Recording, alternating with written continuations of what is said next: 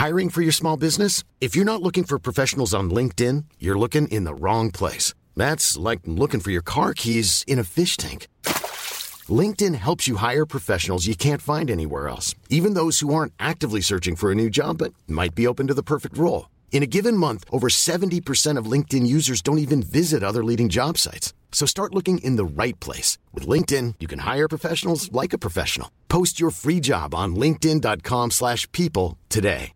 Hey, Dave. Yeah, Randy. Since we founded Bombus, we've always said our socks, underwear, and T-shirts are super soft. Any new ideas? Maybe sublimely soft. Or disgustingly cozy. Wait, what? I got it. Bombus. Absurdly comfortable essentials for yourself And for those facing homelessness. because one purchased equals one donated. Wow, did we just write an ad?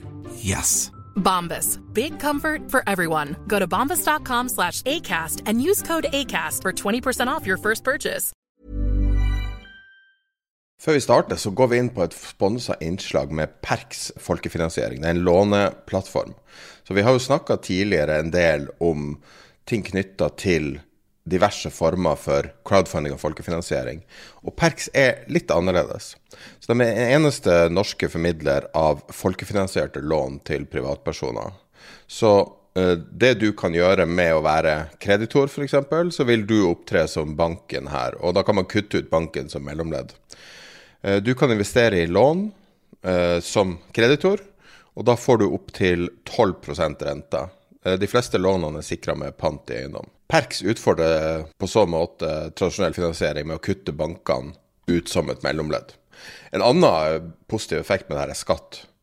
Så i det her eh, systemet med Perks folkefinansiering, så eh, betaler du kun 22 eh, skatt av gevinst, mens aksjesparere er 35,2% Og ifølge statsbudsjettet for 2023 så er det opp til 37,84 For å eh, bli kreditor eller låne penger i et Perks folkefinansieringslån, så oppsøker du perx.no. Så enkelt er det. Eller google det. Perks folkefinansiering inntil 12% avkastning. They mistook leverage for genius. Leverage for genius. I would recommend you, Barney. Velkommen til episode 188 av podkasten 'Tid er penger', en podkast med Peter Warren. Jeg heter Sverre og er produsent, og sammen med Peter lager vi 'Tid er penger'. Eh, I dag har vi tjåkfullt med informasjon. Vi hadde mye på, på hjertet av uh, ymse ting, og mye research, mye data vi ville ha ut. Så eh, det er litt tettpakka her. Eh, tror vi bare går i gang med denne episoden, da. Hva, hva syns du har oppsummert eh, markedet siste uka? Altså jeg tenker jo at eh, den uken som både akkurat var og de nærmeste ukene nå er veldig viktige uker.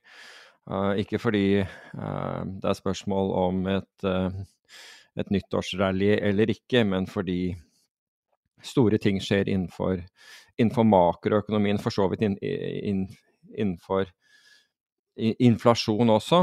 Um, hvis du tenker på, på inflasjon, og så har vi fallende shippingrater, vi har fallende råvarepriser. Um, så har vi en del av disse, altså de viktige innsatsfaktorene for å drive inflasjonen opp, har helt har klart vendt ned og har vært på vei ned en stund. Men så har du da energibiten, uh, som da er usikker. Um, for oss, kraftprisene, som i, for, i forrige uke gikk opp 32% Og det er, altså, det er betydelig, og er nå opp 500% i år. Også øh, betydelig. Og jeg kan ikke annet enn å dvele ved dette her, hvor og, og som jeg rett og slett Vi vil jo gjerne ha dette kraftmarkedet, og vi har kablene og vi ser at, at, fyllingsgraden, som var veldig god for veldig kort tid tilbake, har gått markert ned. Noe som be betyr at vi eksporterer da ut, uh, ut uh, kraften vår. Og dette skjer samtidig med at det er vedlikehold på, på, på kjernefysisk kraftanlegg i, i Sverige. Så hvis du hvis man tenker seg i forhold til Europa Jeg syns det har vært fokusert altfor lite på dette. Altså, Norges bidrag til kraften, og nå snakker jeg om elektrisk kraft, ikke gassen, det er en helt annen sak, og der er bidraget vanvittig mye større. Men i, i, Europa så blir den mest, meste av, av, kraften i Europa blir laget av fossilt drivstoff. Herav den, den gassen som, som, nettopp nevnt. Men hvis du ser hva vi lager av ren energi altså nå, For det første så eksporterer vi ren energi, slik at vi av og til må importere skitten energi, altså med andre ord energi laget uh, av, av, fossilt uh, brennstoff. Det i seg selv er, må jeg si, får meg til å uh, riste på hodet. Det er det ene. Men det andre er hva er vårt bidrag til Europa? Altså hvor stor andel er vårt bidrag i Europa når, når vi eksporterer strøm? Og fakta der er at, at det utgjør knapt noen prosenter av det, av det e, europeiske behovet og forbruket. Men det betyr 100 for nordmenn. For hver gang vi gjør det, så har det en effekt på, på 100 av nordmenn. Mens det vi skyver uh, uh, sørover, eller sørøstover, har en ytterst liten virkning. Men den har en kjempestor virkning her. Og at ja, Det er jo helt underlig, syns jeg, at man ikke har ført denne debatten videre, sett på grunnlaget, sett på om tallene og alt det som ble presentert, stemmer, hvilket veldig mange fageksperter mener at det aldri gjorde, før disse beslutningene ble tatt. Men problemet er at det er så tverrpolitisk, eller var så tverrpolitisk enighet om dette her, at ingen har egentlig lyst til å ta den fakkelen. Og da ser det ikke ut som den blir, blir, eh, blir tatt. Og nå melder da uh, dette, dette analyseselskapet Volue om ytterligere at nå forventer ytterligere prisoppgang. Vi hadde vel seks kroner her på, uh, på Østlandet. Enten var det rett før helgen eller, i løpet av helgen på, på det høyeste, og de får vel nærmere det i dag også. Og det er før det virkelig blir minusgrader, altså. Vil du ha litt tall for å backe opp det du sier, bare sånn for sikkerhets skyld? ja, jeg vil, gjerne, jeg vil, gjerne, ha det backet opp. Ja, tusen takk. Kom igjen. Um, så fyllingsgraden, hvis du går tilbake til 7. november uh, Så du hadde en um, Altså, det, det, det bunna ut uh, eh, 2. mai, som er helt vanlig. Eh, i takt med vanlige dager. Og så har det steget stort sett uavbrutt, og så begynte det å akselerere igjen 19.9. Eh, fyllingsgraden, hvor mye vann det er i magasinene rundt omkring i landet, var på 7.11. på eh, 81,9% som er da et eh, par prosentpoeng over historiske snittet de siste 20 årene, eh, men fortsatt da eh, langt under uh, den historiske toppen, som er 94% Men da begynte de å eksportere ganske stor grad av uh, strøm ut av landet. Så fra 7.11. til i dag, i den perioden der det har blitt mye kaldere og vi bruker mer strøm, så har fyllingsgraden blitt redusert fra 81,9 til 78,1. Så nå ligger vi omtrent på det historiske snittet, eller nøyaktig på det historiske snittet de siste 20 årene, men vi er ikke en vanlig år.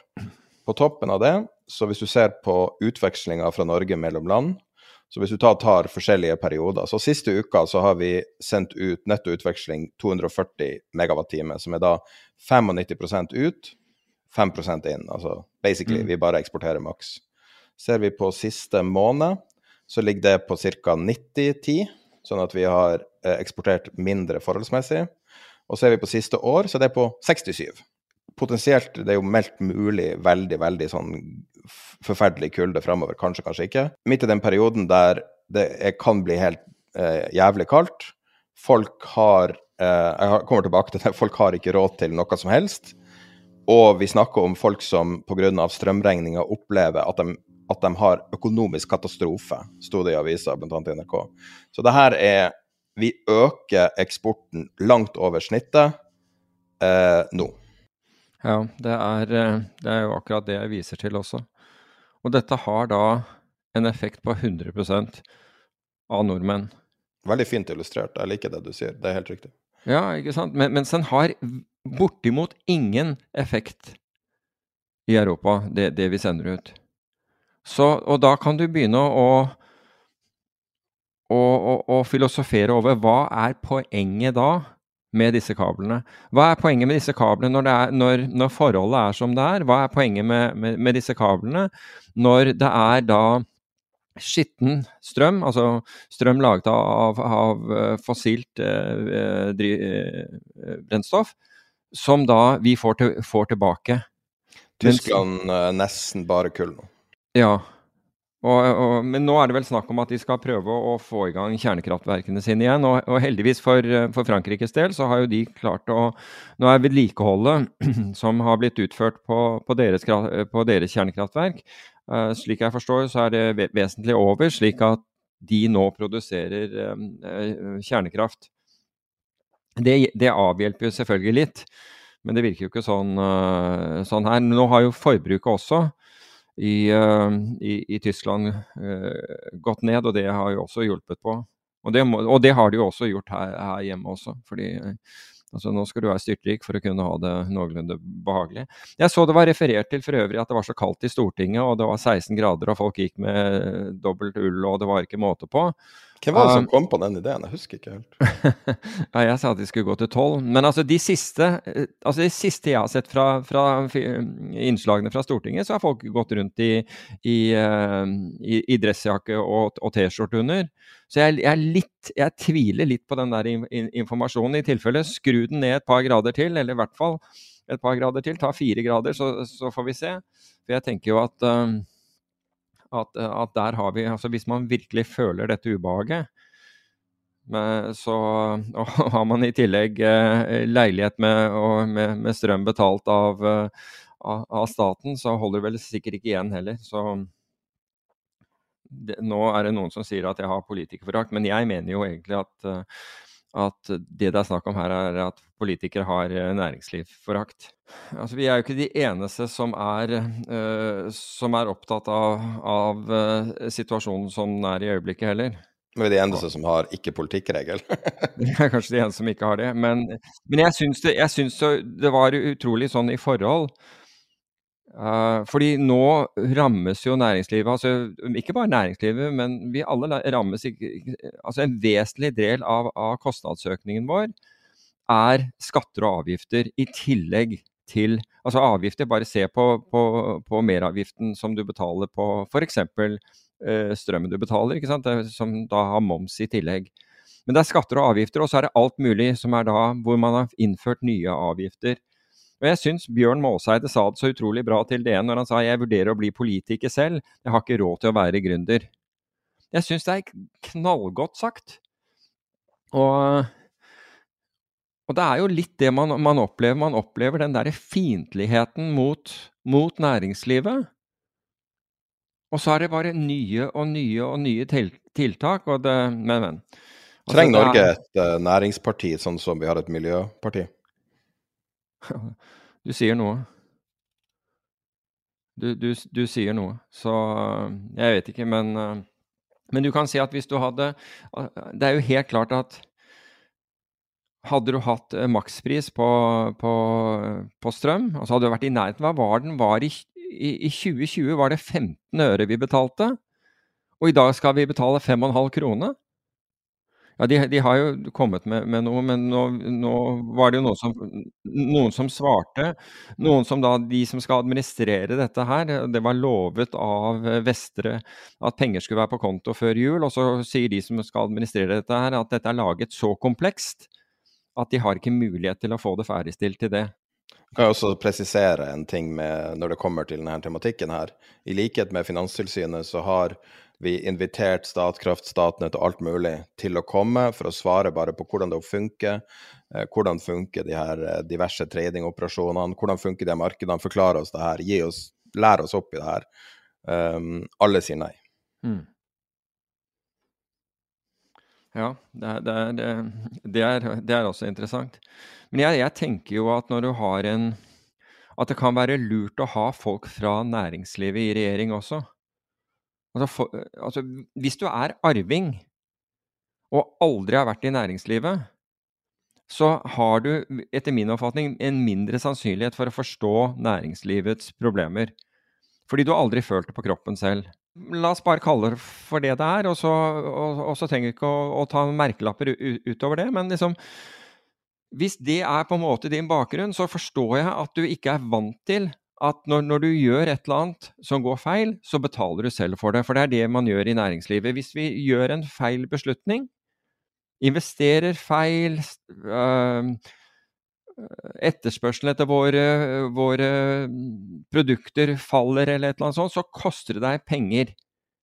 Mens når politikere gjør feil, så koster det skattebetalerne penger. Så det er ingen skin in the game. Og der er Nasim Taleb utrolig bra, fordi med, med, boken 'Skin in the Game' så gir han et utall av eksempler på hvorfor man burde ha skin in the game. Og vi kan antageligvis ikke forvente oss at noen uten skin in the game tenker og føler på samme måte som de som, so, uh, som har skin in the game. Og når, jeg da leste, jeg tror det var fredag, hvor, uh, da, hvor det var snakk om de som jobber da i en mye delvis statseid bedrift, altså Equinor, med 10 000 kroners bonuser her, en, en, en, uh, en lønnsjustering uh, i år som langt, langt overgår det alle andre får. Altså, det, det, da begynner du å lure hvordan, det, hvordan opptrer staten der, da? Når de sier at, at uh, de, de, fattige burde være kjempefornøyd med 330 kroner mer i måneden. Det er jo, altså, det er jo så Det er et sånt gap her mellom uh, i, i, oppfatning. Så, et, men du kan si at hvorfor, hvorfor snakker jeg om det? Altså Meningsmålingene viser jo viser jo hva man syns om dette. Men poenget mitt er at kursen blir ikke, blir ikke korrigert heller. Altså jeg tenker at politikk kan ikke, være, kan ikke være som å ta med i en, en sånn eh, Der, Du må jo korrigere kurs. altså Jeg skjønner ikke hvorfor ikke kursen blir korrigert når man, når man altså For det første er at det er massivt opprop mot det, mot, mot politikken. Og det neste man ser, er, er meningsmålingene. Slik at de, de tingene bekrefter hverandre. At folk er misfornøyd. Og da skjønner jeg ikke at ikke, ikke kurset blir, blir, korrigert. Uansett hvem det var, var, som hadde vært ved roret nå, så hadde vi trodd Men det er, det er gått prestisje i det. Punkt én. Og punkt to, så tror jeg du har selv ikke skin in the game.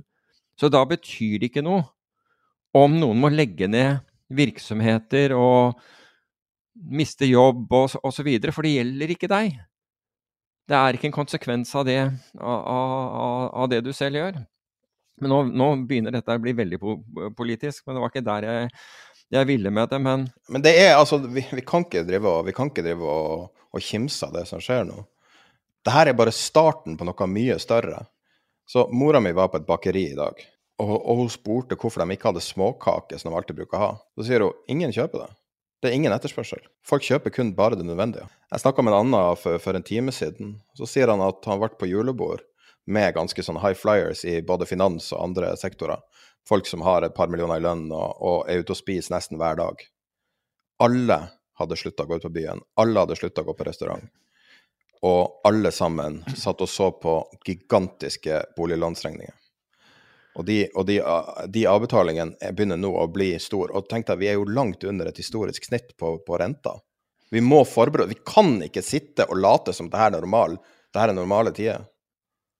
Nei, På nyheten i dag så var det snakk om uh, hvor mange som da, i prosent av befolkningen, jeg husker ikke akkurat hva, hva den var, men som, um, som hadde da uh, mat og altså proviant nok til, til, til, tre dager, hadde tenkt på at man måtte kunne komme ut Eller at man kunne komme ut for en situasjon, eller være forberedt på å komme ut for en situasjon hvor, hvor strøm, internett og, og alt, alt sviktet. altså da i en, uh, i en tredagers tid, og at du måtte ha nok vann og mat til å, til å kunne klare deg.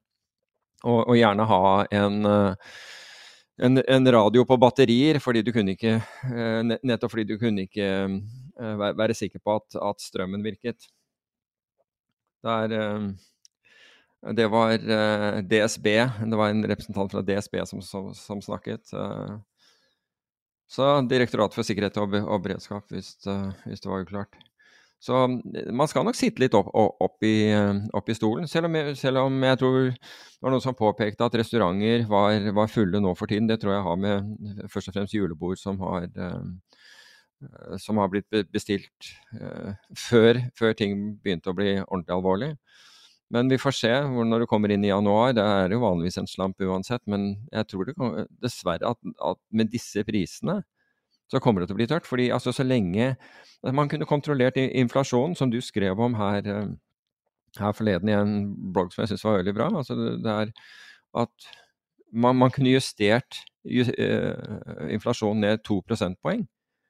Og hadde fått den ned minst, to, minst. minst to, to, bare, bare ved en makspris på strøm.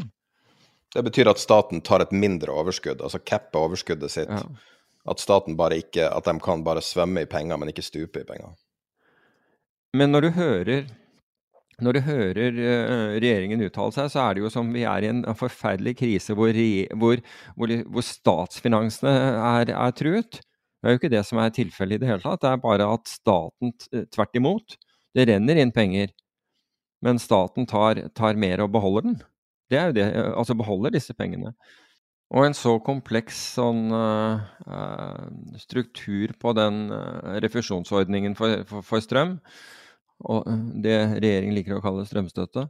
uh, eh, så de færreste klarer å, å, å beregne, hva, beregne, seg frem til hva, hva de vil få.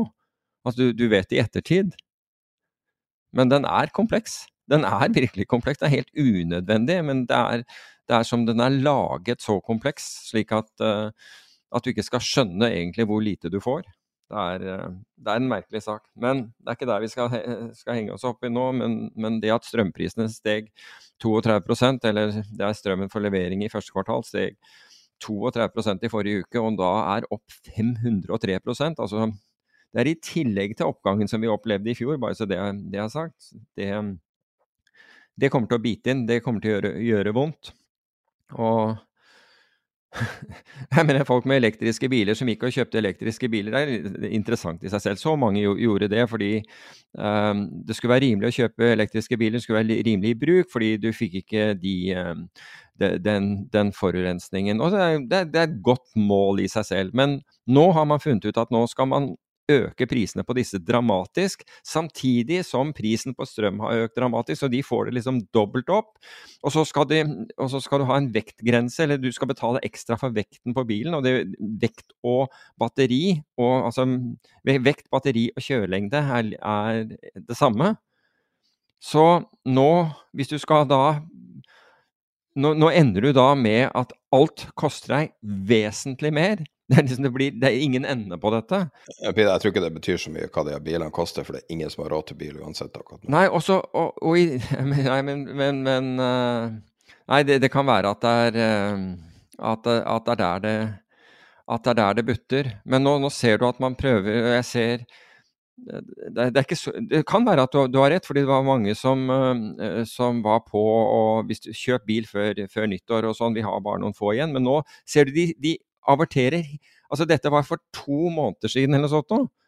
Men de averterer som gale nå, tydeligvis, fordi det er ikke nok som vil, vil kjøpe, kjøpe, bilene selv før disse, disse, avgiftene eh, kommer inn. Men på toppen av det hele Altså, vi har gjort alt dette, og du har gått gjennom den, denne sykkelen og nok en gang, akkurat som med Kristin Halvorsen og, og, og, og dieselbiler og, den biten der, som ble straffet for senere. Nå blir du straffet for det med strøm. Men på toppen av det hele så er, Norges, altså så er oljeforbruket det samme. Så alt det man har gjort med bilene, alt det, det, har, ikke, det har ikke bedret miljøet totalt sett overhodet. Ja, Det er jo fordi at det er jo, det er jo ikke der skoen altså det er jo ikke der skoen trykker. Nei, men det er der du, blitt, men, men det er der du har blitt innbilt at den, at den trykker. Det er derfor folk har da gått til å Gått fra bensin, diesel eller hva, hva som helst til, til, elektriske biler. Jeg har ingenting imot elektriske biler, jeg har en elektrisk bil selv. Men det er klart at det begynner å bli ordentlig kostbart. Men, men, nei, la oss gå ned listen. Herregud, nå gikk, vi gikk jo helt av skjemaet her nå. Ja, vi gjorde det. er 26 det. minutter inn. Vi har ikke toucha på noe. jo, vi, vi, vi, har touchet på, på, det som gikk mest i forrige uke, og som man for så vidt kan investere i. ikke sant? Altså, Men du kan ta en seiersrunde, da.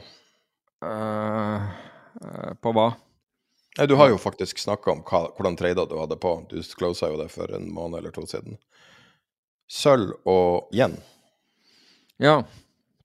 Gratulerer. Ja, takk. Takk. Uh, ja. Uh, yen Hvorfor, har jo hvorfor sølv? Hvorfor sølv? Jeg skjønner ikke. Jo, jeg oppga jo årsaken den gangen, og, og det var egentlig Kotstad-dataene som for første gang på det jeg kunne huske, sa, uh, hadde uh, de kommersielle, altså med andre ord sølvgruver og altså sølvprodusenter, gått fra å være short til å være long. Og det, det var det som så, altså Pluss at sølv hadde falt kraftig, men det hadde jeg ikke sett. Altså det, det, det, så, er så sjelden at jeg, da, da, tenkte jeg da, da må det virkelig mangle sølv. Det var, var egentlig øh, grunnlaget for den. Um, når det gjelder um, og, har, og, og, sølv har jo beveget seg, beveget seg kraftig oppover siden. Men når det gjelder, når det gjelder uh, japanske igjen, så var det jo Altså, der var jeg tidlig ute. Uh, egentlig for tidlig, men nå har det vist seg at selv det har gått, uh, gått, greit. Og det har vært gjort gjennom opsjoner, både, både sølv og, og, japanske dollar mot igjen. Men det, men det som Situasjonen i, i japanske igjen var jo at stadig flere solgte igjen, med andre ord lånte billig igjen pga. La, det er lav, uh, lav, rente. At den fortsatt holdes nede for å, for såkalte carry trades, for å plassere i ting de, de, som hadde en høyere rente. Og, og det ble så det, tall, det, tallet ble så ekstremt. Pluss at jeg trodde at uh, den japanske sentralbanken ville gjøre noe. og og det gjorde den da til slutt. Men jeg tror at det, det kraftige fallet altså I forrige uke så, så falt uh, alene dollaren 3,5 mot, uh, mot igjen. Den har falt mye mer fra, fra, toppen, men dette var bare på en uke, og det er en stor bevegelse for, for valuta, bare så, så, det er sagt. Men jeg tror det henger rett og slett sammen med at at, altså du kan tenke deg, Hvis du har lånt billig, eller lånt for å, for å tjene noen prosent, i, i differanse, og dette går 3,5% mot deg på bare en uke, da må du komme deg ut av, ut av det, du, det, du, sitter på, litt, litt bråfort. Så Jeg tror det her kan henge sammen med den eh, rapporten som kom i det omtrent vi starta episoden i dag, som var en rapport, eller en Reuters-artikkel om eh, Bank of International Settlements, som er da sentralbanken til sentralbanker, mm. eh, som advarer at Eh, masse ikke-finansielle institusjoner, sånn som pensjonsfond og andre firmaer, har derivater, eller har FX-swapper eh, som er verdt 80, 80 000 milliarder dollar. Um, og jeg vil gjette at en hel del av det er knytta til igjen. Uten at de sier det. Ja, jeg vet ikke hvorfor de skal ha valutaderivatposisjoner. Altså, det, det, blir litt sånn Det blir litt for det, det, rommer litt for mye når man sier pensjonsfond og andre ikke-finansaktører. Altså Pensjonsfond er, er, ikke sånn naturlig annet enn at de, jeg ville tro at de har, stort sett har hedger. Med mindre det er gjort som uh, man gjorde i, England, hvor man har inngått uh, swap-kontrakter istedenfor å kjøpe obligasjoner, uh, f.eks. Men Hvorfor de har store valuta-derivatposisjoner, vil jeg tro er hedger. Og, men det betyr ikke at, ikke det ikke kan gå galt, selv om det sikrer f.eks. Eh, noe du har fysisk. Fordi hedgen din, altså hvis du f.eks. La oss si at du satt på japanske statsobligasjoner. Um, men du hadde, du hadde en, en hedge på det Altså, da sitter du på det igjen, og så har du solgt igjen, kjøpt dollar for å ha en hedge på, på den. Så kan, vil du allikevel få margin-krav på, eh, på, på valutahedgen din. Så den kan virkelig eh, få en, en markedsmessig eller en, en, en, kraftig negativ effekt for den som har hedgen, selv om man reelt sett er hedget ved at man eier f.eks. japanske eh, statsobligasjoner, som da er nominert i, i japanske igjen. Selv om du eier igjen og har shortet igjen, så er du egentlig hedget, men du har to helt forskjellige motparter. Eh, den ene har du da betalt liksom, Obligasjonene har du forhåpentlig, eller antageligvis, betalt fullt ut. Mens, øh, mens øh, den valutasikringen har du mot en bank. Og den banken, når plutselig f.eks. igjen blir 3,5% dyrere, skal jeg love deg at den, da har den vært på telefonen uh, en stund og sagt at nå må, du, nå må, du, betale inn mer penger. Og så sier de ja, jeg, jeg sitter jo på disse obligasjonene. Ja, det, vi, vi, har våre regler, og vi må ha, vi må ha sikkerhet for, for, for, posisjonen din. Så sånn kan dette, kan dette virke, virke negativt. da. Men hvis vi videre går nedover og ser litt på hva som beveget seg i forrige uke, så var det UK eh, Naturgass, altså Storbritannia. Den var opp 15% Karbonsertifikater, eh, den ETF-en som har det, var opp 13% så det var ganske brukbart. Og så var det da, som du nevnte, altså Sølv, Tesla og Ark, som begge, som begge si, alle tre steg mellom 6 og 7 eh, prosent. En annen ting som var, var litt interessant i, i forrige uke, var at olje steg 2,5% mens ETF-en for olje falt med 1,7% Og Det som er poenget her, det er at det har vært en, et stort sprik mellom utviklingen i oljeselskaper og olje. Dette så vi også i 2008, bare at da var den motsatte veien. Da var oljeprisen veldig høy og oljeselskapene veldig lav. Uh, mens nå, nå var det motsatt.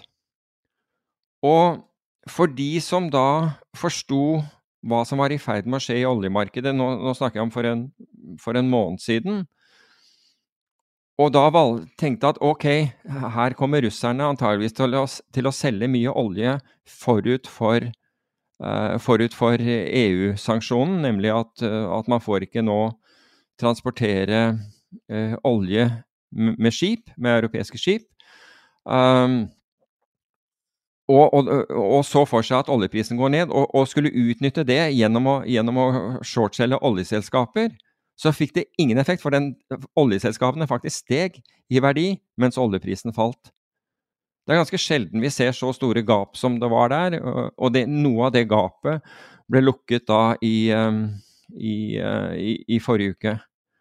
Men det er litt interessant å se på de, um, på de sanksjonene, fordi Russland har da solgt fysisk olje eh, nå mens de kunne inn i markedet, og så har da EU i samme, eh, i, i samme moment bestemt at, eh, at Russland At de, man skal cappe den prisen som Russland kan ta for olje, til 60 dollar fatet. Nå skal det sies at, at russisk olje har jo handlet vesentlig under det.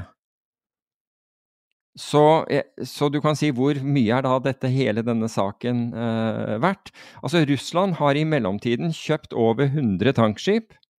De har behov for en, enda mer for å kunne frakte olje selv.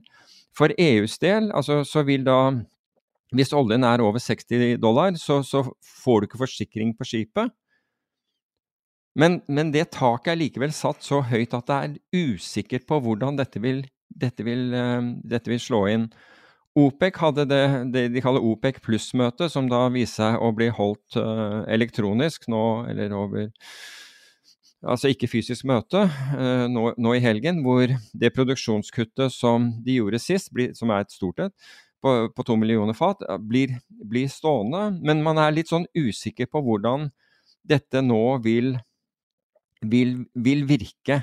Altså som sagt, russisk olje den har jo da handlet til en betydelig rabatt i forhold til um, europeisk eh, eller amerikansk olje, eh, for den saks skyld. Um, den, denne Ural um, er det, Ural pluss Volga, er det ikke det olje? Jeg tror det er det. Jeg tror det er sånn uh, tungolje fra U Ural, og så er det og så er det lettolje fra Sibir som, som, som, som blandes inn, inn i, denne, i, den blenden av olje som, eh, som, russerne har solgt. Og den eneste sted de har, har klart å, å, å, selge den, det er da, eller den har, det har vesentlig gått da til uh, India har kjøpt, og Kina har kjøpt, og sånt, alle med en betydelig rabatt. Den rabatten ble riktignok noe mindre, men med en betydelig rabatt. Men den selges jo under 60 dollar uh, fatet. Jeg har en uh, graf på det fra i dag. Eh, jeg blir å legge den med i nyhetsbrevet. Det kommer til å være ganske mye innhold i nyhetsbrevet. Så hvis du ikke abonnerer på nyhetsbrevet, det er gratis. Tidapenger.no nyhetsbrev. Eh, blant annet den grafen. Og, og Ural Eh, akkurat siste på chartet er litt under 50 dollar. Ja. 10 dollar under capen. Ja, nettopp. Så, så, du kan si at dette her er liksom usikker. Altså olje gjennom rørledninger fortsetter å gå som, som det har gjort. Dette gjelder uh, shipborne, uh, altså olje transportert med, med, med skip. Men det er, det er, andre ting som også overrasker oss i, i forbindelse med, uh, med, med olje. Og det er jo at lagrene rundt omkring er, er lave. Og i USA, altså man De er godt under, under snittet. Og hvis du da tar de strategiske lagrene eh, til, til, USA, så er de det, tror jeg det laveste de har vært på 34 år. Jeg, hva, jeg lurer på om jeg så Det siste tallet var at de hadde 375 millioner fat, tror jeg, i, um, i det lageret. Uh, I 2008 var det på 727, bare for å Uh, uh, 1000 fat. Ba, bare for å Bare til, til, til sammenligning. Men uh, det forteller oss Unnskyld, millioner fat. Men, men det, det, det, forteller oss litt grann, altså, i, i, forrige uke så mener jeg at nedgangen var, var, det, var det på 4,4 millioner fat per dag i forrige uke. Og man har ikke, altså Biden har ikke vist noen som helst interesse, i hvert fall ikke foreløpig, til eller det er tydelig at han ikke har, til å begynne å fylle opp disse, disse lagrene. Uh, disse strategiske lagrene til USA mener jeg er, det er spredt over, over, uh, over, over fire områder. Jeg mener at det er Texas og Louisiana, jeg husker ikke og alle stedene. Brian Mound mener jeg er, den, er det største er den, er den største stedet hvor, hvor, eller, hvor, hvor, de har disse strategiske lagrene. Men poenget er at hvis noe skal gjøres her, så det vil ta Jeg tror det er en sånn eh, regel om at det tar fra, en, fra presidenten bestemmer noe, og til det faktisk skjer noe, så tar det 13 dager. Så i mellomtiden så blir disse amerikanske strategiske lagrene mindre for hver dag. Uten at det viser Og, og, du, og som sagt, det vil ikke bråsnu hvis, hvis Biden sier at nå begynner vi å kjøpe opp. Det, oljen vil antageligvis stige, men, men re, reelt sett så vil det ta 13 dager før dette, dette blir, uh, blir, iverksatt. Så jeg sitter og ser på en sånn graf over uh, strategiske oljereserver. Uh, ut fra det jeg kan se, så ser det ut som at det er på det laveste nivået siden tidlig 80-tallet. Ca. Ja, 400 millioner fat. Så totale kapasiteten er 714 millioner fat, som du har rett. Louisiana og Texas. Ja. Og det er jo det Cushing Oklahoma som uh... Nei, det er, det er rørnettet, det. Ja, ja. Cushing er, er ikke strategisk. Brian Mound er, er, den store Det er bare vanlige oljelagre. Ja. Brian Mound er den, den store, og, og, nå på Jeg mener den 30., det er vel siste målingen, kommer vel en i over i morgen. Så var den på 375 millioner fat. Så um, Så da har vi altså tomme lager, og da mener jeg i aller høyeste grad i anførselstegn. Eh, vi har i dagen i dag startet sanksjonene mot Russland, som nå er litt sånn proforma foreløpig, eh, men som er tydelig altså, Det er jo på en måte det sterkeste våpenet man har utenom å gå i full krig. Eh, du har hatt fallende oljepriser, som indikerer at markedet ikke ser på det som et problem. Nei, det er mer at, at, russerne har solgt kraftig med olje inn i markedet, tror jeg. Exactly. Så vi har en ubalanse i systemet nå som gir oss tro på kunstig lave priser. Um, vi har uh, tall for La det ut på vår uh, Twitter-konto før helga.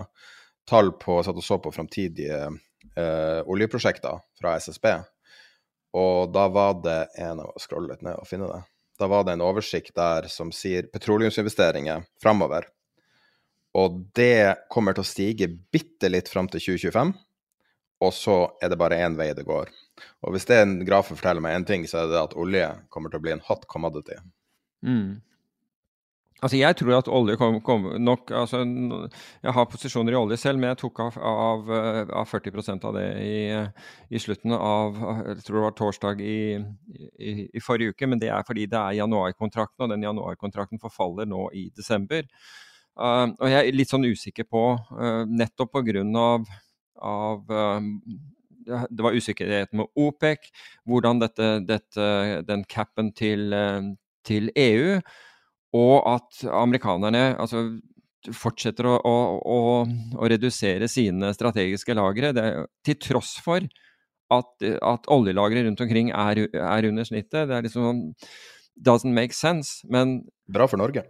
Bra for Norge, men, men på lengre sikt, altså hvis du kom, antageligvis ut i, i, i, neste år, så, så, burde man så tror jeg at, at olje vil være, være høyere. Kina er, er selvfølgelig jokeren her siste vi har der, er jo at det, det synes å, å, ville slippe opp litt mer på, eh, på, på covid-tiltakene, slik at, man, at ikke det bidrar til, en, til, å forsterke en eventuell global resesjon. Vi har litt uh, egen data på det. Så vi har uh, to korrespondenter, også kjent som lyttere, som bor i Kina. En i Beijing og en i Shanghai. Uh, som holder oss oppdatert på, dag for dag på, på chatten som som oss oppdatert av hvordan det skjer der da. Dessverre har han ene nettopp fått covid. Positive er at ut fra deres perspektiv så er det sånn når de skal stenge ned bygg og sånn, så går bare folk ut. Det er, det er ferdig. Sånn at uh, det der drakoniske opplegget de holder på med, ser ut til å være ferdig basert på deres dekning. Mm. Så han tima godt å få covid. ja. Akkurat når Så god bedring. Jeg håper du har det bra. Han, uh, han heter Play and Record på Twitter. Nei, på uh, vår chat. Mm -hmm. uh, utrolig fint å ha noen lokale for å kunne kvalitetssjekke informasjonen fra Kina, for den er så, den er så uren. og, og eh, Du kan ikke stole på offentlige data, du kan ikke stole på rykter, så du må liksom ha noen lokale for å Litt sånn bullshit-detektorer. Ja, veldig bra. Kan jeg si noe om VIX? Ja, du må gjerne si noe om VIX. Er du på regnearket nå? ja, og der jeg ser den. Så det er en korrelasjonsgraf Altså det er en, det er en sånn overlay, eller eh, hva man kaller det. Det er jo sånn som alltid Vi har snakka mye om at det ikke er så, det er ikke verdt så veldig mye. Men akkurat her syns jeg det er litt annerledes. Så det her viser da med tolv dagers forskyvning, så er det VIX Igjen, jeg legger det med i nyhetsbrevet. Eh, tolv dagers forskyvning. VIX-indeksen i eh, 2006 til 2009, og VIX-indeksen fra 2020 til i dag, eller fram til 2023, eh, da, ut 2023. Eh, og denne eh, grafen viser da hvordan korrelasjonen mellom VIX-indeksen og eh, nå og da har blitt mye tettere. Så jeg vil anslå ut fra det visuelle at det er kanskje 0,9-0,95 korrelasjon eh, nå. Tett korrelerer, og det følger de samme rytmene. Så min påstand er at VIX-indeksen er en refleksjon av psykologi mer enn marked. Det er en, en uh, mer en sånn indikativ indeks. Eh, den, den er jo ikke direkte handels... Eh, du kan ikke handle den direkte. Eh, men den reflekterer menneskelig psykologi i form av hvor mye forsikring folk føler de trenger. Og viksen nå er lav. Vi har sett tendenser til litt komprimering i volatilitet. At det blir mindre og mindre, selv om markedet er relativt nervøst. Og det som er interessant her, er da hva er det neste som skjer på grafen? Og det er VIX i 80 ganske snart. Det vil si VIX i 80, eller VIX i 60-70 rundt nyttår. Nummer to punkt er eh, en, graf, eh, en annen graf som, som, du ikke ser nå, men som er litt mindre viktig. Og den viser at eh, hver gang VIX-en falt til 20 eller under, så falt SMP 500 den neste uken. Mm. VIX er på 20 nå. Og den tredje grafen er en enkel eh, teknisk analyse som sier at VIX er mest oversolgt, altså RSI, mest oversolgt på syv år hvis du har uh, ukentlige candlesticks. Hva du syns om de tre tingene?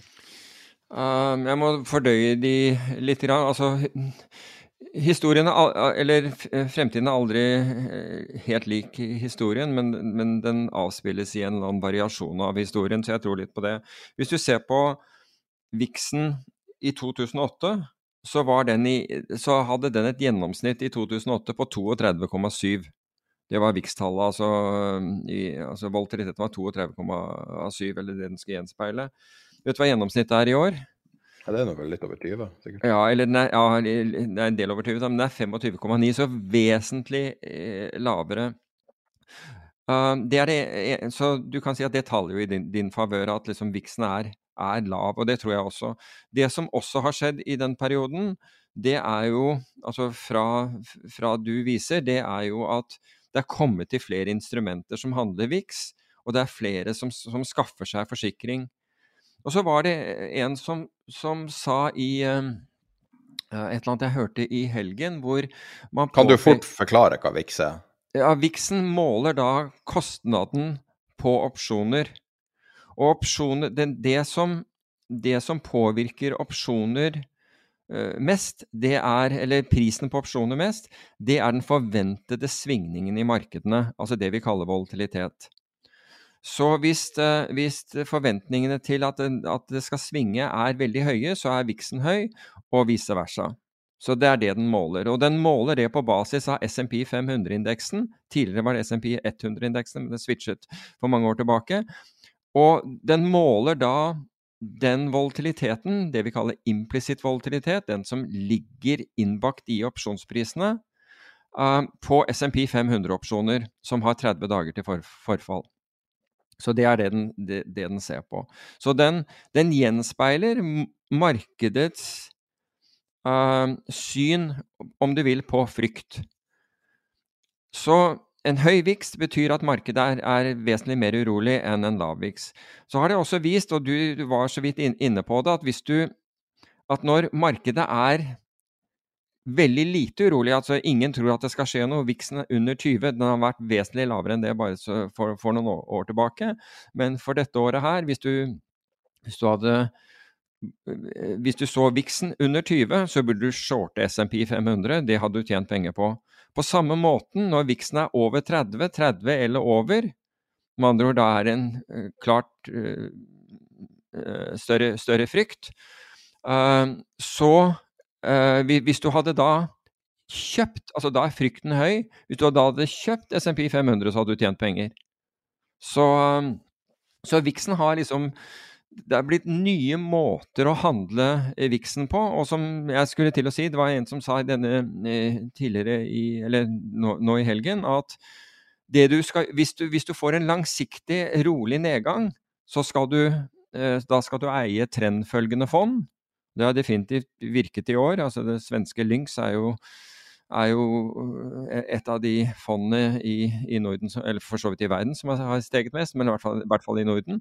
Um, så skal du eie trendfølgende fond. Hvis du tror at, uh, at en nedgang skjer uh, veldig snart, altså brå, og, brå, kraftig nedgang, så skal du eie VIX eller, eller opsjoner. Problemet er at du vet jo ikke disse tingene på forhånd. Altså så, Da covid skjedde, så var det helt opplagt. Da eksploderte jo VIX. Opsjonene ble vanvittig dyre, så de som hadde kjøpt opsjoner, tjente voldsomt på, uh, på volatilitetsøkningen. Hadde, og spesielt de som da hadde kjøpt beskyttelse til, til, uh, til nedsiden. Mens man, man, visste jo på en måte ikke at det, at det kom. Så problemet ditt ville uansett være å Altså i tillegg til at du skal klare å få med deg at nå står vi foran en, en nedgang, f.eks. At, at, at det er det som er ditt ditt scenario, det, det, det, du tror på, så skal du også ta stilling til hvor rask eller, eller sein denne nedgangen kommer til å bli. Og det er klart at der, der i, her ligger det mye rom for å ta feil. Altså, du, du, kan risikere å, ta, uh, å, ha helt rett på hovedtesen din, nemlig at marked, markedet skulle gå ned, men så har du tatt feil i hvordan du uttrykker det. Og det kan være ganske frustrerende. Vi kan bruke overlayen, da. Uh, og da vil det være en hard nedgang. Men, men jeg, jeg, beklager, jeg avbrøt du sa du hørte i helga. Også. Ja, det, det, var akkurat den der hvor, hvor vedkommende sa at, uh, at hvis, du, hvis det var en, trodde du på en rask nedgang, så skal du bruke VIX eller opsjoner. Tror du på en lang, langsiktig nedgang, så skal du uh, investere i trendfølgende fond. Og det, det, er jo helt riktig. Problemet vårt er å, å, kunne vite om det kommer en rask nedgang eller, eller en langsiktig nedgang, hvis vi tror på nedgang. Ehm, så men det er andre måter man kan, man kan, bruke opsjoner på også, men vi, nå skal vi ikke ta en lang sånn uh, opsjonsskole her. Men, men, men en, tese, en, tese, som støtter det du sier, da.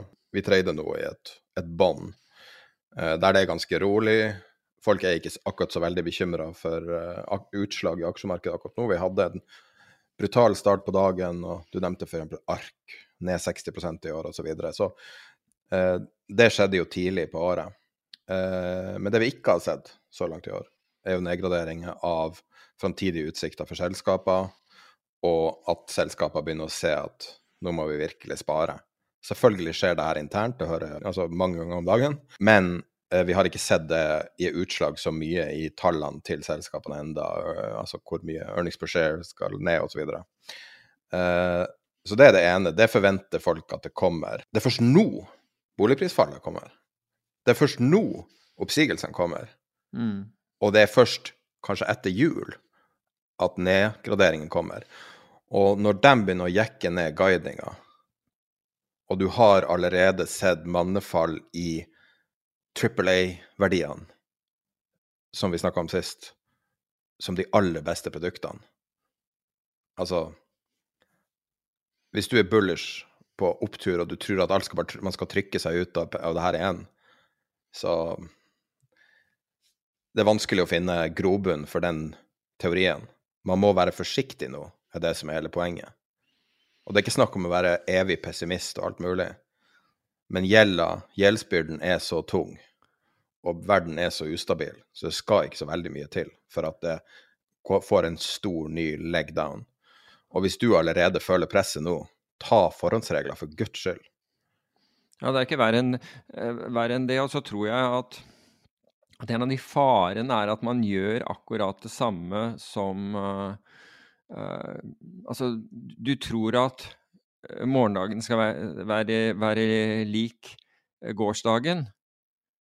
Og, og det, det, der, det danske pensjonsfondet som har vært i vinden nå i uh, i noen uker, er jo et helt vanvittig eksempel på det. Altså dette er danske stats pensjonsfond, som er ned nesten 50% i år. Altså nesten halvparten av pengene er tapt i det fondet. Og så kan man si hvordan Hvordan skjer, hvordan skjer sånt? Jo, fordi man hørte om dette som heter risk parity.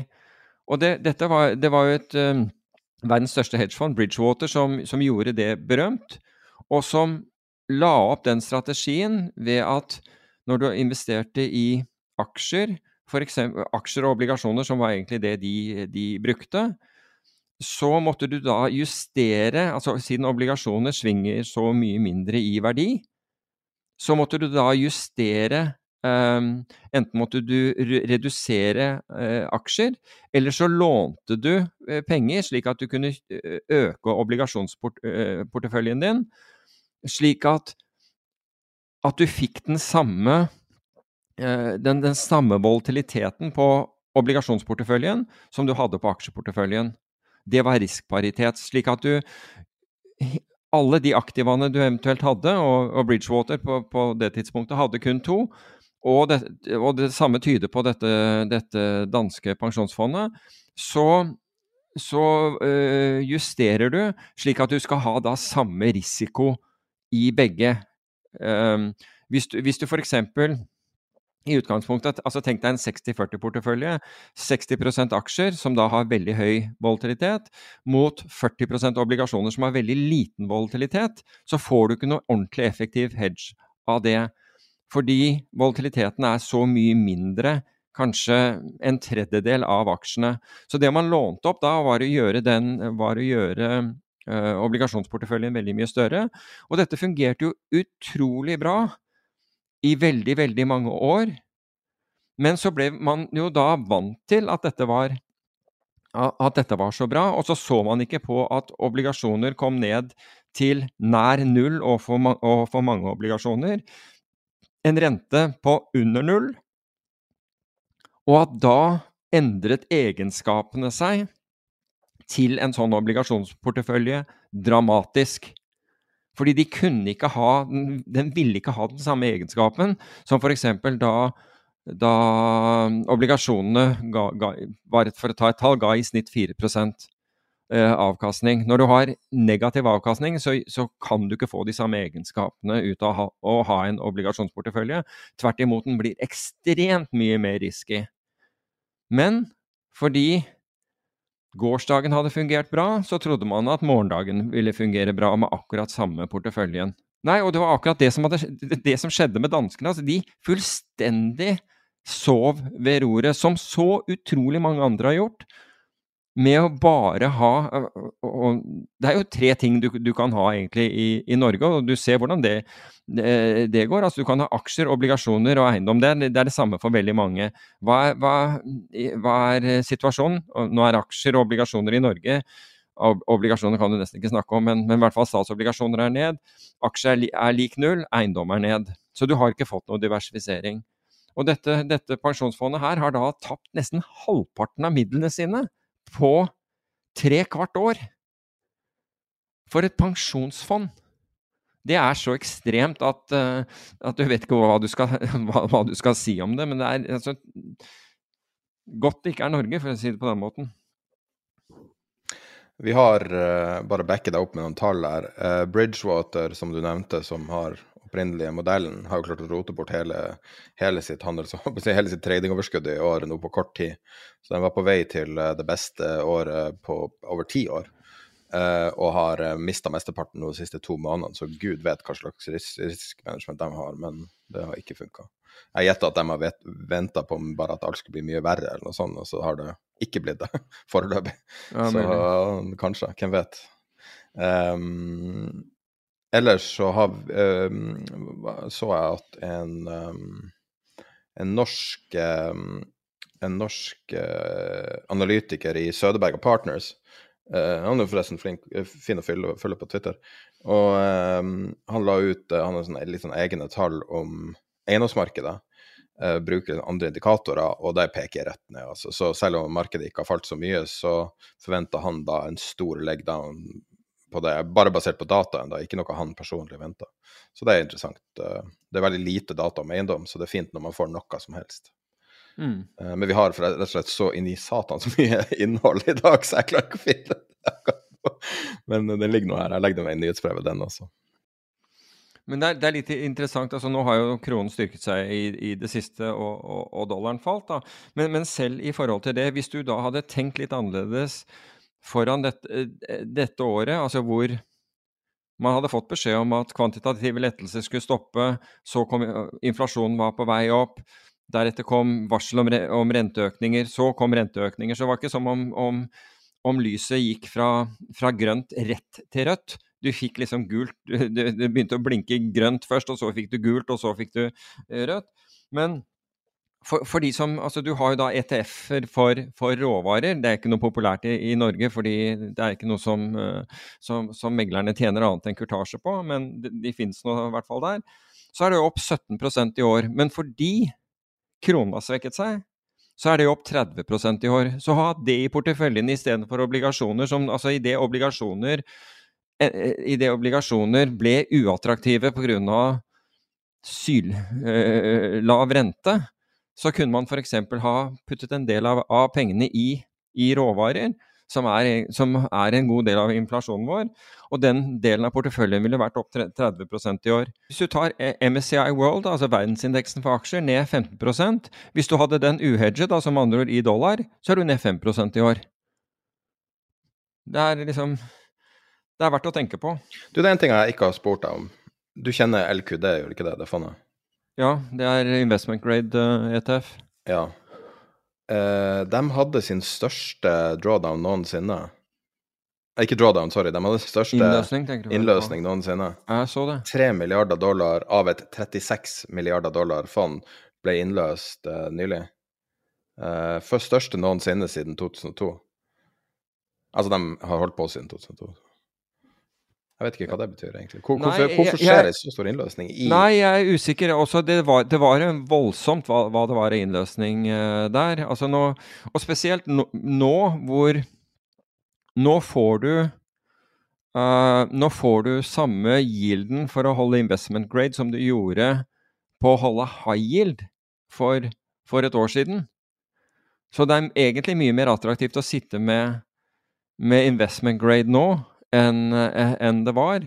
Men jeg så den der enorme innløsningen. Det gjorde også at, at investment grade-obligasjoner var ned i, i, forrige uke, mens high yield var opp. Um, nettopp pga. innløsningen. Men jeg vet ikke hva det der var. Det var helt voldsomt. Men jeg har ikke noe god, ikke noe god forklaring på den. Um, vi har så mye her, altså. Det er liksom vanskelig å vite. Skal vi gå over til eiendomsfond? Ja, det kan vi gjøre. Det har vært litt sånn action i Jeg må jo hylle Altså, vi må hylle Robin Wigglesworth, Norges beste journalist. Han er bare ikke i Norge. Eller kanskje han er i Norge. Jeg tror kanskje han jobber fra Norge akkurat nå. Men uh, vi har jo skrytt mye av han. Uh, refererer til han i nesten hver episode, noe han har skrevet. Han har vært på podkasten nå. Han har vært gjest på podkasten. Mm. Og uh, har en helt egen evne til å finne interessante ting. Han har jo også skrevet ei, ei bok som heter 'Trillions', som handler om nettopp om den her indeksfondbransjen og alle de her store ETF-ene som nå er blitt så giganter. Og han hadde en artikkel på eh, Financial Times eh, Alphaville for det var vel en halv uke siden, to uker siden, der han advarte Halvannen, mot. Mm. Ja. Og den artikkelen så skriver han at um, Han forteller om et fond som ingen har egentlig hørt om noe, i noe større grad. Sånn typisk sånn fond som ingen tenker på.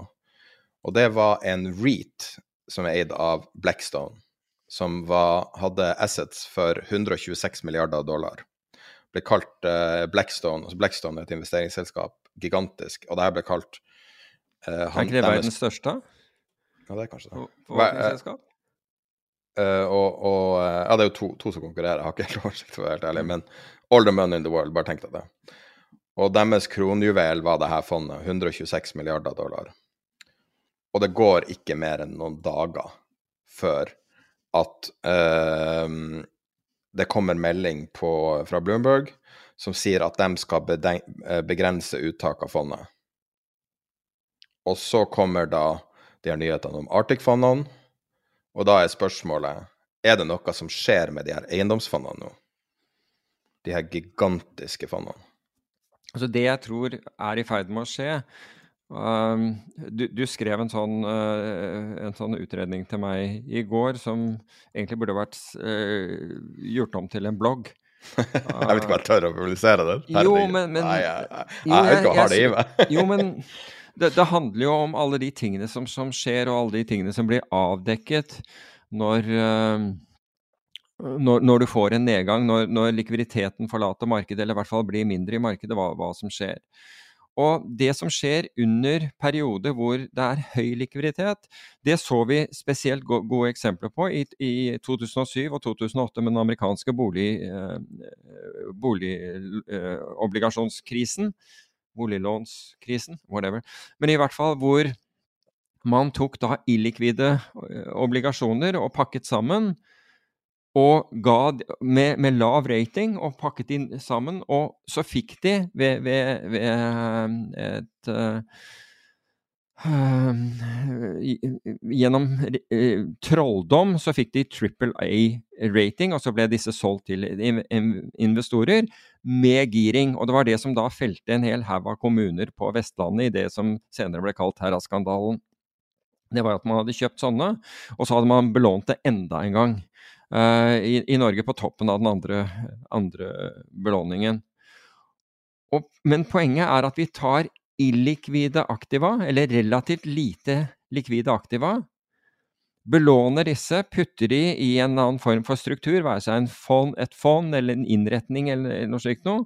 Og fordi sola skinner og det er nok kapital og renten er lav, så godtar alle dette. Ingen, ingen stiller spørsmål. Inntil nå, i, i, i tilfellet med, med, med, BlackRock, hvor det kommer innløsninger, og så viser det seg at det er, finnes jo ikke likviditet. Man klarer jo ikke å komme ut av investeringene. Og vi har jo et lignende tilfelle i Norge, som, som DN skrev om i, i, forrige uke, hvor et, et meglerselskap, de største meglerselskapene, har, har utstedt en, en hel haug, altså laget en hel haug av, av sånne prosjekter og det, seg, det er næringseiendom som er belånt til pipa med kortsiktige lån, som da må rulles over, altså refinansieres og alt mulig sånn. Og det er jo kjempebra når renten er lav og, og det finnes nok kapital. Men gjett hva som skjer når renten er høy og, er, og, og kapital er en mangelvare. Da forsvinner Og med, med syltynn profittmargin til alle, bortsett fra meglerforetaket, selvfølgelig. Syltynn profittmargin for, for investorene. Og nå, hvis man refinansierer på de nivåene man har nå, så låser man rett og slett inn svære tap. Og, og det er eh, Altså, det er en sånn typisk Altså, det er rett og slett 2008 om igjen. Altså ikke hele 2008 om igjen, men det er, det er de, de samme faktorene. Det er, bare, det, er bare, det er, historien som gjentar seg, men ikke helt identisk med forrige gang. I en variasjon av forrige gang. Og det er akkurat det vi ser. Historien gjentar seg. Og hvor i all verden er da myndighetene som skal påse, som skal påse at dette ikke skjer? Jo, de sover. De oppdager det når, når, eh, når DN skriver om det. Da liksom våkner de og bare 'Å, herregud, hva har det her skjedd?' Og så har det kanskje kommet så langt at da istedenfor å gripe inn, så, så, må du prøve å dekke over det på en eller annen måte. Fordi her gjelder det å ikke ta noe skyld og holde hodet, og holde hodet lavt. Snakker du om de 296 ansatte i Finanstilsynet nå, eller er det noe annet du snakker om? Ja, det er Nei, nå er det Finanstilsynet jeg først og fremst tenker på. Det er en, en fullstendig useless uh, uh, utgiftspost på, på, som, som, skattebetalerne betaler for, og for så vidt også bransjen. 296 ansatte. Ja. Du, du, kunne jo, altså hvis du bruker Det er som jeg har sagt før. hvis du, du De har allerede outsourcet juridiske vurderinger til Arctic, tydeligvis, som vi, vi har vært inne på. Og, og, den granskende delen av den, det er altså det, de som da skal, skal uh, grave opp ting og finne ut at uh, det, det, blir begått ulovligheter, er, der har de DN. Da, jeg og jeg syns DN er knallflink. Det har jo vært ja, utrolig masse. Det syns jeg også. Det syns jeg også, men, men, du kan si at når du, når du, ser de sakene som de har kjørt på det, og som da Finanstilsynet med sine 296 eh, ansatte ikke, ikke, har vært i nærheten av engang å vite at, at eksisterer, da mener jeg at uh, sistnevnte har har et, forklaringsproblem. Men hva gjør de med det? Jo, det, det er bare å dekke over. Prøve å, å, å dekke over. Sitt stille i båten. Så Men de har vel kanskje, den, de har kanskje utvidet informasjonsavdelingen sin, det kan jo hende. Jeg tror det er ti-tolv stykker der. Ja, ja. Det er fantastisk. Ingen kommentar fra ti-tolv stykker. Det må være en hard jobb. Men jeg tror det er med, ikke det Bane Nor eller noe sånt som har sånn 35 ja, stykker i kommunikasjon? Ja, jeg, lurer, jeg, lurer, på hvordan intervjuet er for, for eh, stillingen som uh, på, på, på, kommunikasjon i Finanstilsynet. Ja, du, du kan, her, kan, du lese opp en tekst? Ja, det kan jeg gjøre. Skal vi se. Ingen kommentar? Ja, det, si den litt dypere, er du snill. Ingen kommentar. Der er du. du. Fast jobb. That's it. Nei, det er helt utrolig. Men, uh, men det, er det, det, er jo det, som skjer. Det er sikkert andre ting som har skjedd her, og det avdekkes jo stadig nye ting. Det gjør jo det. Uh, Håkon, for øvrig, en, en, uh, en av våre lyttere, han sendte meg en, et videoklipp fra FTX. Jeg, jeg, tror jeg sendte det videre til deg i går, gjorde jeg ikke det? Helt, helt, altså, jeg vet ikke hvorfor du sendte meg det. Nei, altså jeg sendte fordi altså der sitter Bankman Freed, som da angivelig ikke visste hva som foregikk i Alameda, for han liksom sånn er, er ikke helt sikker på hva de hadde av posisjoner og hvordan de gjør. Han sitter da som en chief dealer midt i Alameda og, og tar beslutninger hele tiden. Altså Denne videoen kommer til å ligge nederst i nyhetsbrevet, men det er faktisk fysisk smertefullt å se på det. Eh, det er to ting med den. Det ene er at han fremstår ikke som han helt vet hva han driver med. Han fremstår som en person som sitter og spiller på oddsen eller noe sånt. Jeg har sett en del videoer fra desker, nå har jeg ikke sittet på sånne desker. Og, og jeg syns at hele greia virker så vilkårlig. Han aner ikke hvordan posisjon, aner ikke om han er long eller short ting. Han vet ikke ja, hva han, han har. Jo, han ser på deltaene sine. Jo, han gjør det. Altså, han har han Men han har jo ikke penger inne på Han har jo ikke penger inne på Binance engang. Verdens Nei, største børs. Hvordan er det mulig? Men greiene er at de Og det er nok, helt, det er nok fornuftig å gjøre. Altså, man flyttet penger til der hvor man, man trengte dem til, til enhver tid. Men er ikke det ARB som er greia hans? Han driver jo med geografisk eller valutaarbitrasje. Jo, men det er ikke det de holdt på med, med, i Alameda. Alameda var jo den største likviditetsprovideren til FTX. Altså, det tror jeg ikke Så her er rent prop trading, altså? Nei, eh, market making. Det var jo det de egentlig skulle drive med. Men så bommet de på denne ene denne token, som jeg mener het Moonshot eller et eller annet sånt, eh, som de Som en eller annen kjørte mot dem. Og det er der det første virkelig store tapet kommer. eller Det, det tapet er, er ganske stort. Og, annet, og, etter det så begynner ting å balle på seg. Og dette er ikke ulikt det vi har sett i, i en haug av finansinstitusjoner. Altså være seg um, Jerome Kerviel ikke sant, hos um, Var det Sokjan han var, var det ikke det? Mm. Um, Kveko Ado, Hva het han da? Adeboli. Adeboli hos, hos UBS, var det det? Mm. Disse, altså det begynner med en hva med Bruno? Du må ta med Bruno. Ixel. ja, ja, Bruno. Jo, men akkurat det samme. Elsker det navnet der. Ja, ja, Bruno Ixel eller, eller London Nick Leeson. eller, ja, ja. Eller, eller Nick Leeson hos Bearings. Det begynner med en posisjon som egentlig ikke er Altså, du har et tap, men det tapet er ikke på noen måte katastrofalt. Så du tenker at nei, jeg, bare, altså jeg tar en litt større posisjon i dette, det har falt mer, så jeg, jeg, kjøper litt mer. Så snitter jeg det ut, og så er jeg ferdig med det. Madoff, samme. Én uh, dag var det som var starten for Madoff. Ja, mulig. Black Monday.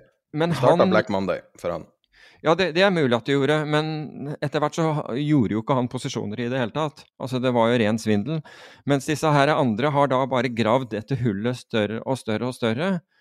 Men Ixil og Madoff og Adoboli, Curviel um, Alle disse her er de du hører om. Jeg kan garantere deg at det er 10-20 ganger så mange som, som, klarer å grave seg ut av hullet, eller minst like mange som klarer å grave seg ut av, ut av hullet. Ja, Vi vet jo om én i Norge, da. Ja, det har vært flere i Norge som har Vi vet men... om én i Norge som fullt operasjonell fortsatt. ja, jeg, altså jeg vet, om, jeg vet om, folk i, i, i Norge som, som, har gått nedom og hjem og, og på, på, akkurat det samme. Um, det vært, og det har vært, det har vært inn, altså Nå er det mange år siden innen inn, inn, valuta, som bare forsvant til utlandet. Um, og, og, det har vært innenfor meglerselskapene også, som er blitt avdekket. Men jeg skal ikke drive og dra opp disse, disse navnene nå, for det er, liksom, det er langt tilbake i tid. Men poenget mitt er at, dette, at når du får markeder som du får nå, eller som vi har hatt nå, så, det, så blir de vanskelig Altså da går tidevannet ut. Og du har ikke den muligheten, for bevegelsene er store, og de er pågående bevegelser i samme retning. Så du får ikke, du får ikke reddet deg inn igjen, da. Så Og, og det, er, det, er, etter all sannsynlighet det som begynte å skje hos FTX, altså akkurat det samme. En forholdsvis stort tap, som da bare drar på seg, og så blir, drar på seg, og så tenker de ja, men det kommer jo tilbake, altså nå må det snu.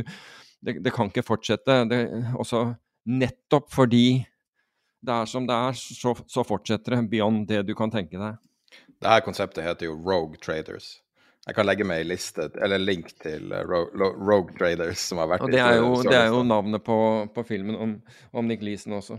Ja, men jeg kan legge meg i liste hvis du har lyst til å lese om hver enkelt, hvis du ikke kjenner til de her navnene. Det er noen til på 90-tallet som er mindre kjent. Ja, ja, er du gæren. Altså, du har jo han uh, japaneren også. Ja, jeg har dem her hvis du vil. Eh, ja, og, men altså, hvis det fins Det er en Altså, du sier Rogue Traders, det er en bok om alle sammen? Uh, det er bare en liste over dem, sortert på størrelse. Den største var okay. Jerome Carvel. Tapet var 6,9 milliarder uh, dollar. Så har du Yasuo Hamasaka, tok jo 96. Det var 2,6 milliarder i kobber. Mm. Uh, de fikk henholdsvis fem og åtte års fengsel, de to. Så var det Kveku Adeboli i London, uh, tapte 2,3 milliarder for UBS i, i Futures, stort sett. Uh, så Nick Leeson, som er den uh, veldig berømte som tapte 1,3 milliarder, men det var 1,3 milliarder i 95-penger, så det, det, er litt mer nå. Sendte Bearings Bank i, i dass, ja. Ja, Bearings Bank var vel uh, noen hundre år gammel. 1762 var det grunnlagt, så Ja, ærverdig bank. Og så har du Toshidi Igushi, 1,1 milliarder i amerikanske statsobligasjoner. Og så har du John Rusnek, han har jeg ikke hørt om. Det var eh, FX i 2002, 600 millioner. Og så har du en håndfull til som er litt eh, mindre. Det er bare 500 millioner dollar nedover, så det dropper. Mm. Men eh, jeg sender lista over alle til nyhetsbrevet. Ja, altså det, det må være skrevet uh, noen no bøker om, om, disse her som, som, tar med seg alle, ellers så burde det vært, burde ja, det, vært The London fordi... Whale er jo ei bok. Ja, men den handler jo om Ixil kun, gjør den ikke det? Ja, han var vel ikke per deff en rogue trader, tror jeg. Jeg tror det var Nei. noen andre omstendigheter der. Jeg tror ikke han satt i fengsel heller. Det var derfor han ikke er på den lista. Vet ikke, men, uh, men i hvert fall, altså, det, det, dette, er, um, dette er viktig lærdom. Det er også viktig for, uh, for, folk i compliance, og ikke minst myndigheter, i, i forhold til å, å, vite hva de skal se etter. For da det er en større, altså, større sjanse uh, at, at, ting blir, blir uh, blir, blir avdekket. Og, og, og, vi kan alle tro at vi er superrobuste, superærlige og hele greia, men altså i det øyeblikk du får et sånn et eller annet sjokk, da et eller annet skjer i, i markedet som er så Altså som virkelig sjokker deg, så kan alt skje. Da kan virkelig alt, skje. ja, alt skje. Um, jeg husker vi uh, vi, vi uh, søkte etter en ny, uh, en ny på compliance da jeg var i, i, um, i Finansbanken. Og det var en engelskmann som, uh, som søkte. Han var, var godt kvalifisert. Og, og, så ville han gjerne ha et møte med, møte med meg først. Og, så, og, i det møtet så sier han liksom, hva føler du? Fordi liksom, dette er jo en som skal overvåke, overvåke alle mine posisjoner og alt det uh, jeg gjør. Um, og jeg sa til han, vet du hva, at at the end of the day um, så kan du være, um, være forskjellen på liksom om jeg tar meg selv ut uh, eller ikke.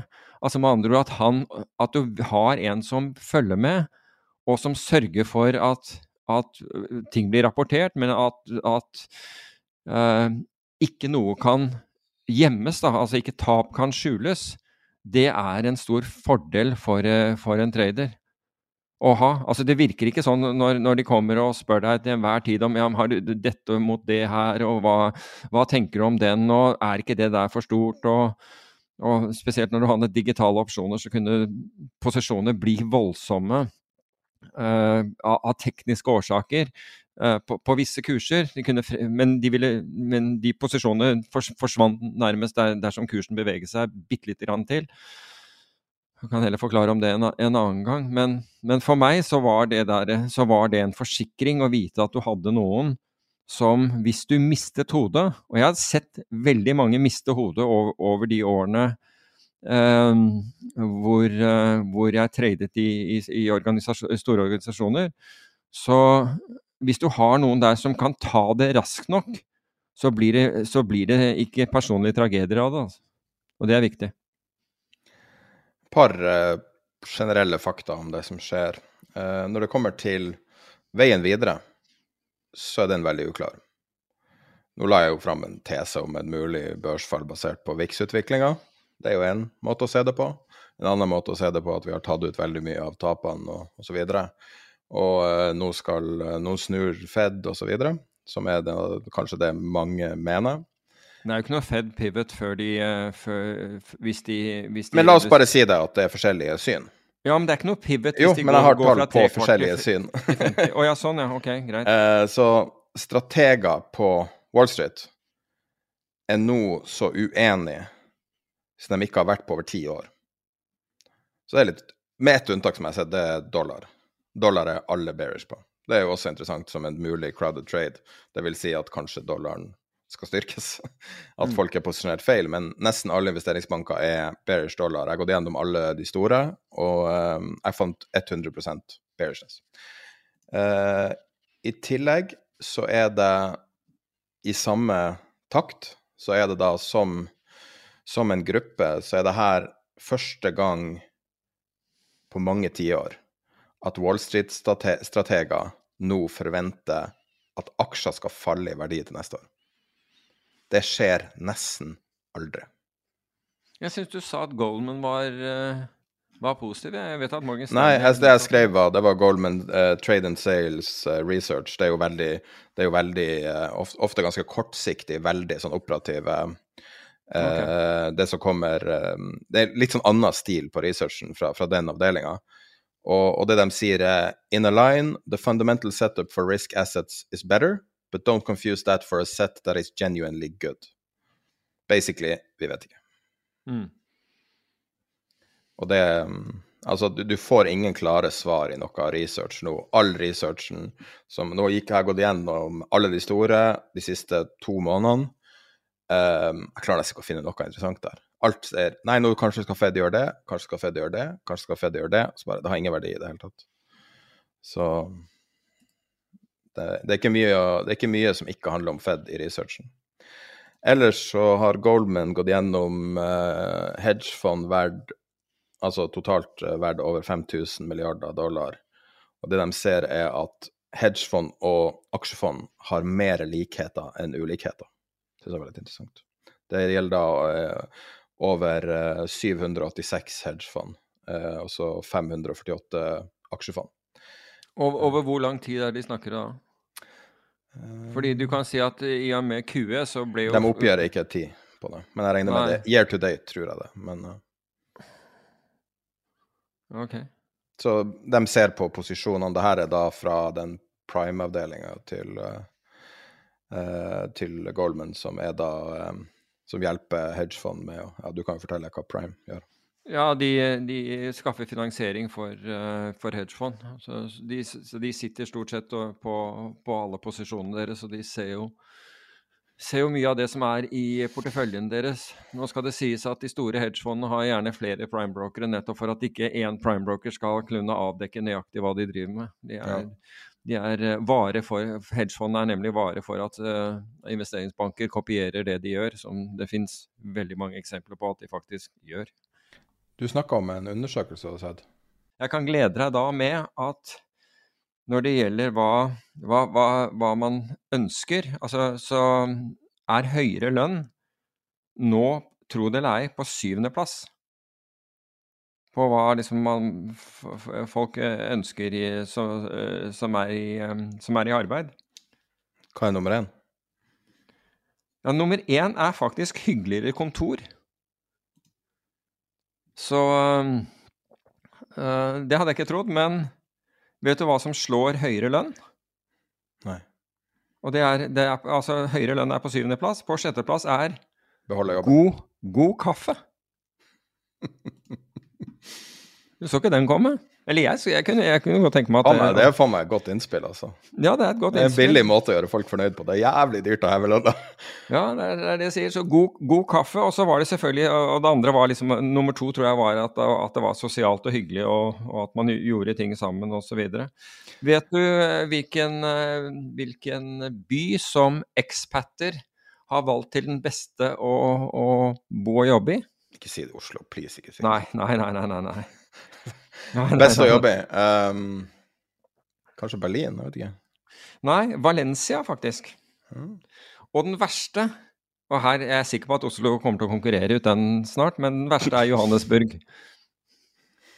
Det er trist, egentlig. Så jeg er sikker på at den regjeringen Har du vært der? Har du vært i Sør-Afrika? Ja. Det har jeg vært. Jeg har veldig lyst til å besøke det, men uh, det er litt sånn ekstremt sted. Jeg vet om ja. noen som ble drept der, for å si det sånn. Ja, altså første gang så Eller ja, altså første gang ja, I hvert fall i moderne tid, holdt jeg på å si. At jeg, jeg var der da, da landet i Johannesburg, og så var flyet forsinket, slik at uh, vi rakk ikke flyet uh, videre til et uh, sted som het Skukusa. Men så måtte jeg ta inn på et hotell ute ved flyplassen. Og så jeg tenkte ok, vi har en hel dag her, vi må finne på noe for neste fly gikk dag, neste morgen. Og så går jeg ned i resep... Eller så ringer jeg ned, da, og så sa jeg at uh, kunne tenke en sånn en, å dra inn til Johannesburg og sånn. Ja, bare kom ned, sier, sier han uh, karen. Og så kommer hun ned, og der står det fire lokale. Og så tenkte jeg det var da voldsomt til, uh, til, til turguide. Nei, det var ikke turguider, det var sikkerhetsfolkene som trengtes for å ta en tur inn til byen. Og de var bevæpnet. Og da sa jeg, vet du hva, jeg tror jeg står over den her. jeg, jeg, jeg, tror, jeg, jeg, tror jeg tar mat på rommet og, og låser døren og stabler noen møbler foran eller noe sånt. Jeg fant ut at det var ikke det hadde jeg ikke noe så veldig lyst til å gjøre. Men da var det the murder capital of the world, så det var ikke ufarlig å dra inn til Johannesburg, tydeligvis. Så jeg har aldri Eller jeg har vel mellomlandet i Johannesburg senere, men, uh, men, jeg har vært i, uh, i Cape Town og, det, og rundt i det området. Det var veldig bra. Har du fulgt med på hva som skjer i kunstig intelligens-verden de siste månedene? Ikke annet enn at uh, det virker som Twitter-feeden min liksom hver, hver, femte eller sjette tweet handler om AI akkurat for tiden. Det er noe spesielt som skjer. Så jeg kan ikke gi noe svar. Jeg ingen ekspert og ingen, ingen kompetanse på det annet enn en bruker. Men interessert i kunstig intelligens, uh, interessert i machine learning og alt det. Uh, det er noe rart som har skjedd. For, for to måneder siden så snakka vi ørlite grann om bildegenerering, det som heter Dale 2. Og det har vært en revolusjon siden da. Så ut ifra det som kommer ut fra kunstig intelligens bilderedigeringssystemer, så er det natt og dag. Altså, det som kommer ut nå, er så høy kvalitet på. Og det er så sykt hvor stort fremskritt det har vært på to måneder. Du har et annet selskap som løser det på en annen måte. Dette er Midjourney. Et uh, nystarta selskap. Jeg inviterte CEO-en for intervju, men han har ikke svart. Han har sikkert mye innkommende forespørsler. Uh, for å prøve å forklare litt hva som skjer. Men i praksis er det det. Du skriver en tekst hva du vil ha ut, hvordan bilde du vil ha. Og det pumper ut et bilde i middels oppløsning, og så kan du raffinere, justere, raffinere, justere. Og i løpet av kort tid så får du et illustrasjonsfoto som er helt magisk, fantastisk. Det beste illustrasjonsfotoet du har sett i ditt liv. Eller et annet foto, eller et kunstverk, eller hva som helst. Og resultatene er bare helt uvirkelige. Det er sånn du mister pusten av å se på det. Du tror ikke det er mulig at du ser på det du får, blir fortalt du ser på. Men hva, hva, kan man gjøre med sånne ting? At AI er liksom, jeg tar et bilde, liksom, who cares? Du kan, um, du kan, uh, jeg prøvde å lage deg til bussjåfør, men jeg brukte ikke lang nok tid. så uh, det, det, eneste de prøver å forhindre, helt åpenbart, er å, å lage kopier av, av, mennesker, altså kjente mennesker. Det går an, men de prøver å forhindre det, og det er sikkert lagt inn som en bevisst sperre. Men programmering Programmerere er veldig dyr, de har veldig høy lønn og er veldig etterspurt og veldig vanskelig å få tak i. Og så I dag morges så satt jeg og leste litt om, om, det, og da var det en kar som sier at han hadde tatt en eksamen fra programmeringskurs eller et eller annet, og så hadde han fora det inn i en annen lignende som bruker samme motoren. Og han fikk riktig svar på ett sekund. Altså hele eksamen var ferdiggjort på ett sekund. Den gjorde, skrev all programmeringa, fjerna alle feil, gjorde alle de tingene som var påkrevd. Så ikke bare er det her potensielt deflasjonerende, fordi man kan i praksis kanskje si opp en betydelig del av programmererne innen relativt kort tid, hvis det her er så reelt som det ser ut som. Altså For å si det sånn, han klarte eksamen på ett sekund, så han klarer kanskje andre ting mm. også. Og OK, den klarer kanskje ikke å gjøre subtile vurderinger, men mye av programmering, hvis du snakker med en programmerer, så googler de feilmeldinger, går inn på programmeringsforum og copy-paste det som står der. Det er veldig ikke ubetydelig del av programmering. Og hvis det er tilfellet, nå er ikke jeg programmerer, jeg har studert i ett semester og var helt utrolig dårlig i det, men hvis det er tilfellet, så tror jeg vi står for oss en aldri så liten revolusjon inn der. Men det stopper jo ikke der. Dette er jo, dette er jo all purpose. Jeg blir å legge med noen bilder i nyhetsbrevet også, for det her er helt sånn hjerteskjærende bra. Men sånt, var det noen som hadde Altså, du må raffinere de her søkene litt, og du må lære deg hvordan ord du skal bruke og sånn, men det tar noen dager, så sitter det totalt. Det fins verktøy som hjelper deg med det også. Og så plutselig så er det bare sånn Ja, jeg vil ha en selfie av eh, Tatt med et GoPro-kamera av krigere gjennom historien. Og så gjør du det med forskjellige ting, og så er det bare sånn Her er en, en kriger i første verdenskrig som tar selfie ut på slagmarka. Her er en kriger i borgerkrigen. Her er en kriger i år 5000 eh, år før Kristus. Og så er det bare sånn OK, greit, det her er bare påfunn, men hvor ender det her? En annen er som sier jeg vil lage en hel tegneserie i denne stilen. Og så lager den det bare. Og så ser det helt fantastisk ut. Og det er ikke bare det at det ser sånn Ja, ja, men du ser en datamaskin har laga det. Det ser helt sinnssykt ut. Og det her kan du bruke gratis. Du betaler ti dollar i måneden for å få ubegrensa tilgang til det. Og så kan du bare si OK, jeg har lyst til å lage meg et T-skjortefirma. Og så lager jeg meg 10 000 designer på en halvtime, liksom. Eller en halv dag eller en halv uke, eller hvor lang tid det tar. Og så da har jeg gjort det, ikke sant. Grafikere må jo være helt i panikk. Men hva med Shutterstock, da? Det selskapet er verdt i dag to milliarder dollar. Et selskap med dårlige rykter eh, pga. prosessene. De bruker mye triks for å tvinge deg inn i masse dårlige dealer og alt mulig. Bare lappe deg for penger. Hva kommer til å skje med et sånt selskap? Hvem i alle dager vil betale for stokkfoto når du bare kan lage akkurat det bildet du vil, og du kan bruke det fritt fordi du har laga det? Hvor, hvor, og det her er jo bare første steget. Dette greiene her ble lansert i sommer for første gang. Første gang man så bildegenerering av AI. Jeg syns det er spennende, men skrekkblanda fryd. Det, det, har jo en sånn dialogsak dialog eh, eh, der, da, slik at du kan sette inn hva du vil. Er det sånn å forstå? Ja. Eh, det har litt forskjellige forkortelser. Du Trenger ikke å gå inn på de tekniske tingene, det er veldig lett Nei, å nei, si feil. du, trenger du trenger ikke å ta svar heller. Men, men Hvis du har lyst til å se litt mer på det her, så har jeg delt en del eksempler og linker og ting på den kanalen som heter Fremtiden på chatten. gidder du, altså, Når du har en anledning, gidder du å prøve et for meg, eller? Eh, Kjør. Bare skriv 'erstatt Finanstilsynet' og se hva den sier. Ja. Ellers så eh, Vi må avslutte med denne, men du skal få lov å, å, å, å ta the quote. Men liksom, dette er fra en kar som på røftlig, var det ikke en uke, gikk fra en formue det tok, Jeg Si at det tok en måned, da, siden det er dette sitatet. Gikk fra å ha en formue for 32 milliarder dollar til en formue på 100 000 dollar. Hva var det han sa? I've had a bad month. I've had a bad month. det, det, det er godt oppsummert. Det er godt oppsummert. Sam Bankman-Fried sa det. I've had a bad month.